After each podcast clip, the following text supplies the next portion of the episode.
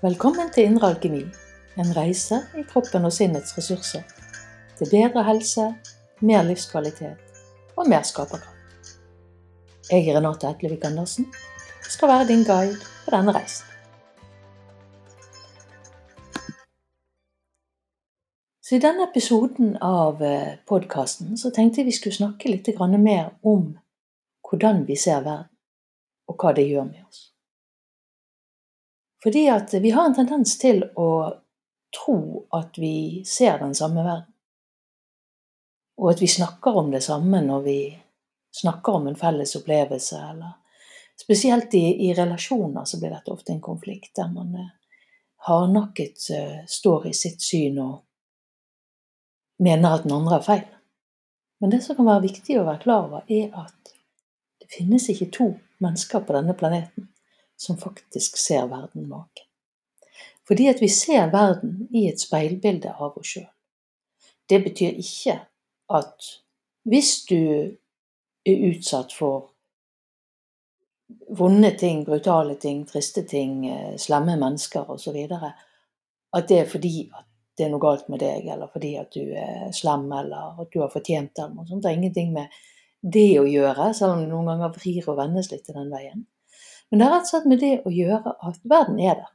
Dvs. Si, enkelte filosofiske retninger har en diskusjon gående, enkelte religiøse retninger, på hvorvidt den i det hele tatt eksisterer, eller om den bare eksisterer inni vårt eget hode. Så langt skal ikke jeg dra. Det syns jeg er tja, litt uinteressant, kanskje. Iallfall for mitt fokus og perspektiv, som er å hjelpe folk å leve bedre liv, ha det bedre i livet sitt, utfolde, ut, uttrykke seg sjøl mer. Eh, at vi sammen skaper en verden som er mer levende og gøy og kjærlighetsfull og Ja, på alle måter det fantastiske som det er mulig å leve i, og mulig å skape her nede. Så, så det er mitt fokus, og dermed så eh, tenker jeg at vi starter denne diskusjonen denne, med premisset om at verden eksisterer. Om at denne lekeplassen vi befinner oss i, på av fjell og hus og mennesker og dyr og alt som er her, absolutt eksisterer. Og at det hele dreier seg om hvordan vi opplever den, og hvordan vi forholder oss til den. Og de to henger jo selvfølgelig veldig, veldig sterkt sammen. Så verden eksisterer. Den er stor, og den er mangfoldig. Den har utrolig mye inntrykk i seg. Og det er for mye for oss å klare å ta inn alt sammen på en gang. Hjernen vår er ikke i stand til å ta inn helheten av alt som er til enhver tid, hele tiden. Eh, mye av det tar nervesystemet vårt inn, og sansesystemet vårt. Og, så vi har en ubevisst eller en underbevisst opplevelse av verden som er veldig, veldig mye større enn den de fleste av oss går rundt med bevisst. Og denne større verden er det absolutt mulig å tappe inn i, og dermed få en rikere og større opplevelse av hva livet faktisk er, og få en større valgfrihet i forhold til hvordan du eh, agerer og reagerer i en del sammenhenger. Og dette er jo deler av det som ligger både i meditasjon og i tantra, og i og for seg i yogaen òg, som vi etter hvert skal eh, dykke dypere inn i og snakke om de potensialene og mulighetene som ligger der. Men akkurat nå i denne episoden så tenkte jeg vi skulle snakke mer om de grunnleggende premissene av hvordan det er vi opplever verden, og hva det gjør. Både med oss, men òg med relasjonene våre, hvordan vi, vi handler og samhandler i verden. Fordi at når vi ser ut i verden, så ser vi for det første det sinnet vårt allerede er litt opplært til å se etter. Eh, vi kategoriserer det vi opplever og ser ut ifra kjente markører, kan man si, hvis man snakker litt sånn eh, psykologisk. Eh, allerede fra vi er helt, helt tidlig, så starter vi jo med å lære å på en måte skille ting fra hverandre, kategorisere det. I starten så har ikke vi så mye eh, merkelapper på det sånn verbalt. Det kommer etter hvert. Vi lærer at en ball heter en ball og sånne ting. Men lenge før vi lærer at en ball heter en ball, så opplever vi fenomenet ball. Og hvis vi har positive opplevelser med fenomenet ball, så er det sannsynligvis noe vi eh, tar med oss i verden videre, eller i alle fall har en, et avslappet til positivt forhold til når vi møter det i livet ellers. Hvis det, våre første opplevelser eh, med fenomenet ball er at vi får han eh, rett i ansiktet, eller han kommer i full fart opp i vognen, eller et eller annet i den dyren der, og det involverer smerte eller frykt eller sånne ting, så vil vi få en helt annen relasjon til noe som man kan si er såpass nøytralt som en ball. Og det, det foregår over hele linjen med absolutt alt vi opplever. Alt vi opplever, blir kategorisert som noe godt eller noe trygt, noe som nærer oss, noe vi beveger oss mot. Eh, eller noe vi prøver å bevege oss vekk ifra fordi at det eh, representerer utrygghet, fare, ubehag. Eh, systemet vårt er ganske enkelt laget i grunnen av at det beveger seg mot det som gir oss behag, næring, trøst, omsorg. Og det beveger seg vekk fra det som gir oss ubehag. Så kan det selvfølgelig være i noen sine historier at, og det skjer en god del ganger, at der er hva skal vi kalle det, forstyrrelser på de linjene. At trygghet og omsorg plutselig har endret seg til noe ubehagelig, eh, eller til noen krav man fant ubehagelig. Og dermed så får man et ambivalent forhold til omsorg og nærhet osv. Dette skal vi helt sikkert komme inn i i noen senere episoder. Men nå skal jeg prøve ikke lage det så fryktelig avansert, og prøve å gå mer inn i dette med hvorfor det er viktig å forstå at vi ser verden sånn som vi gjør. Hvis vi tenker oss at fire forskjellige mennesker står på hver sin side av et fjell, kanskje til og med i litt ulik avstand til fjellet, og du ber disse fire menneskene beskrive fjell, så vil det de beskriver, være ulikt. Hvis vi i tillegg legger på et filter av at disse menneskene som står der, er et friluftslivsmenneske, en biolog, en eiendomsutvikler, er en eh, tja, hva skal vi si, terrengløper eller geolog eller noe i den duren der, så vil det kan være ganske enkelt å forstå at det de vil legge merke til med dette fjellet, vil være ulikt. Og det de da vil beskrive med dette fjellet, måten de vil filtrere informasjon som viktig og uviktig, og dermed videreformidle òg til andre eller i den rapporten de skal skrive ned, hva dette fjellet er, vil være veldig ulikt. Det vil være ulikt fordi at man står på ulike punkter, ser det fra ulike vinkler, så du vil se ulike ting, ulike former. Men ens egne interesser vil òg gjøre at man legger merke til ulike ting ved det samme fjellet. Og dette gjør vi hele tiden. Våre indre historier, det vi har interesse for, det vi er oppmerksom på, og ikke minst det vi frykter, fargelegger til en veldig stor grad hvordan vi ser verden rundt oss. Hvis vi av ulike grunner har mye frykt, kanskje mye traumer, mye vanskelige opplevelser i ryggsekken, så vil vi helt naturlig og fordi at systemet prøver å beskytte seg sjøl. Se verden gjennom et filter av å være på vakt. At verden kan være full av fare. Og det er en veldig, veldig sterk mekanisme. Som vi skal snakke om videre i, i den neste episoden, så er det å holde seg trygg organismens første prioritet. Så hvis vi har en dyp følt utrygghet i oss av tidligere opplevelser, eller av at nervesystemet vårt er aktivert av smerter, av stress, av andre faktorer, så vil vi komme inn i den delen av persepsjonen vår av nervesystemet der vi skanner omgivelsene for fare. Og der sinnet vårt forstørrer, hvis jeg kan si det sånn, tegnene på fare.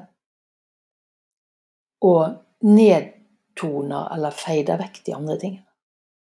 Eh, hvis vi tenker oss at du står i en livsfarlig situasjon Du står face to face med en løve, som jeg ofte sier. Så er det ikke spesielt relevant for systemet ditt der og da hvorvidt det er en fin solnedgang eller det var en pen rose i veikanten. Der og da så er det et par ting som er viktig. Det er Kan jeg komme meg unna situasjonen? Kan jeg bekjempe løven? Finnes det en fluktrute? Finnes det en annen løsning? Hvis ikke det finnes noen av de løsningene, hvordan kan jeg komme gjennom denne situasjonen med minst mulig smerte eller lidelse?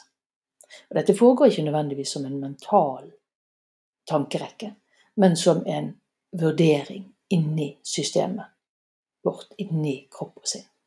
Sånn at for å kunne gjøre det, så sjalter sinnet vårt ut alt som ikke er relevant der og da, for å overleve. Og har vi mye stress og mye eh, frykt i systemet vårt, så er det filteret aktivert til vanlig. Det gjør at vi i mye større grad vil oppleve en situasjon som truende.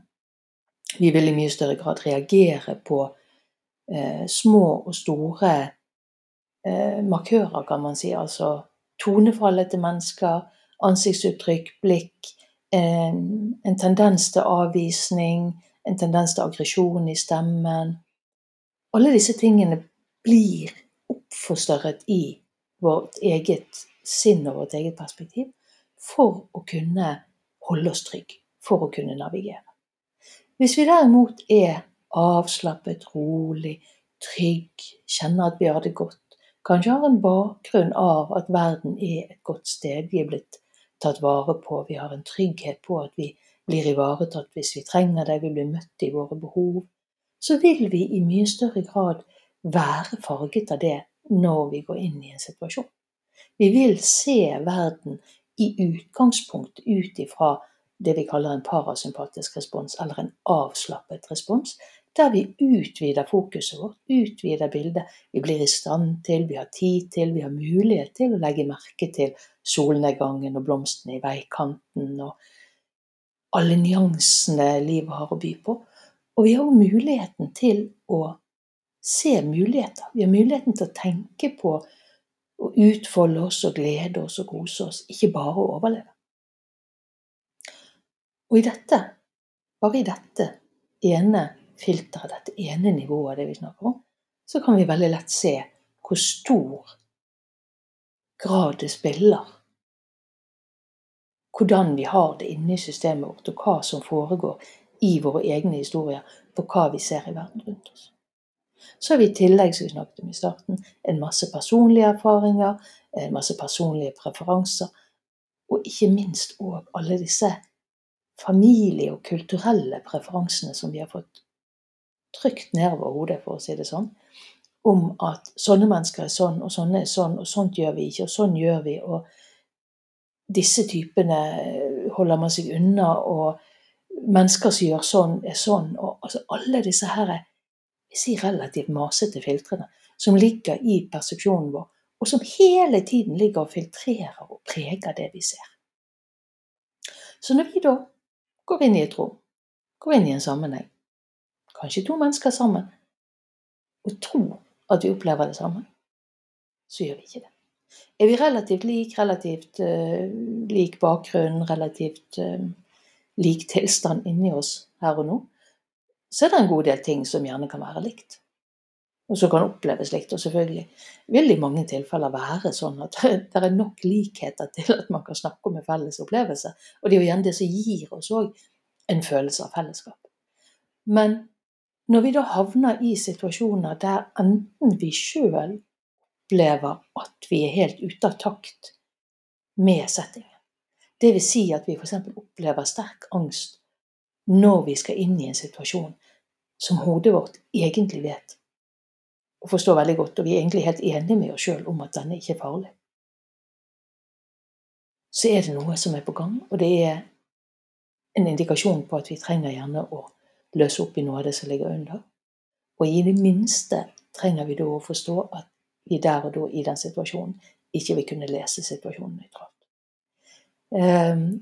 Og dette her er jo sånn som spiller seg ut veldig mye i parforhold og relasjoner og jobbkonflikter og alle mulige sånne ting, der vi hardnakket tror og påstår at andre mennesker òg ser det vi ser. Og når de da ikke handler sånn som vi ville gjort, så tar vi det personlig, og så mener vi at de gjør det fordi de er slemme eller vil oss ondt, eller ulike sånne ting. Og så kan vi stå i en veldig veldig hardnakket konflikt og nesten hamre inn i hverandre fra hvert vårt syn på situasjonen og tro og mene at vi snakker om samme sak. Og det gjør vi veldig sjelden. Det vil si, vi snakker jo om det samme som å utfolde seg, men vi snakker om det fra våre filtre. Hvis ikke vi venner oss til å være bevisst på våre egne filtre, de tingene i oss sjøl som påvirker hvordan vi ser en situasjon, og lære oss å kommunisere både om de og fra de, altså sånn at den andre har en mulighet til å forstå hvor vi snakker ifra, og at vi har en mulighet til å åpne et slags nøytralt eller fellesrom, så blir det veldig, veldig vanskelig å skape eh, samarbeid, eh, forståelse, gode relasjoner osv.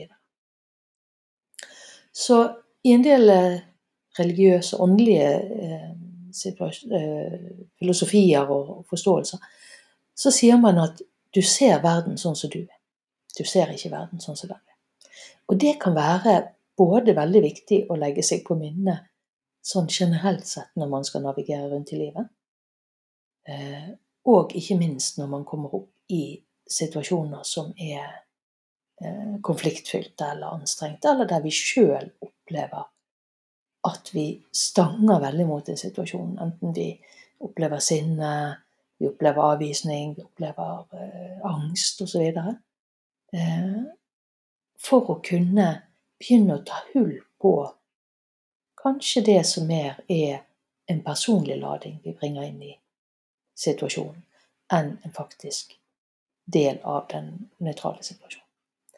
Det som òg ligger der som en potensiell mulighet, og som gjør dette enda gøyere, er jo at når vi begynner å virkelig ta inn over oss det at vi bare ser en bitte liten del av verden, eller vi bare ser verden gjennom noen ganske betingete filtre, kan vi gjerne si,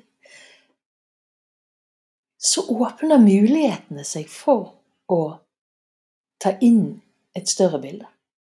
Og mulighetene åpner seg for å være nysgjerrig på andre menneskers opplevelse, eller andre menneskers perspektiver, eller hvordan andre kulturer eller åndelige tradisjoner eller tankeretninger eller filosofier eller hva det måtte være for noe, forstår og opplever og forholder seg til livet hva det egentlig dreier seg om, og hva gaver og muligheter som ligger i det. Vi kan rett og slett komme tilbake igjen til å være nysgjerrig istedenfor å sitte inne i boksen vår og hardnakket forsvare vår egen opplevelse av såkalt virkelighet. For den virkeligheten som vi sitter i og påstår er virkeligheten, er ikke virkelighet. Det er bare vår opplevelse av en virkelighet veldig mye større enn vi kan klare å ta inn. Så jeg håper at det ga noe mening, noe innsikt. Det er iallfall et ganske viktig premiss å ha med seg inn i enten du velger å se på selvutvikling, eller du velger å jobbe med relasjonene dine, eller du velger å jobbe med dine egne reaksjoner, eller du ønsker å skape deg et såkalt bedre liv, et nytt liv, et annet liv så er det å forstå dine egne filtre, dine egne reaksjoner, og det at det du opplever, bare er en fragment av virkeligheten, ikke en objektiv versjon av virkeligheten, en veldig, veldig god nøkkel. En veldig god mulighet, startmulighet, til å få et mye større perspektiv inn, og noe som er mye rikere. Så da sier jeg takk for eh, for denne gangen, for denne rantingen. Og så eh, ses vi, høres vi forhåpentligvis igjen i den neste episoden, der vi skal snakke mer om hvordan systemet som første valg alltid vil prøve å beskytte deg. Takk for denne gangen.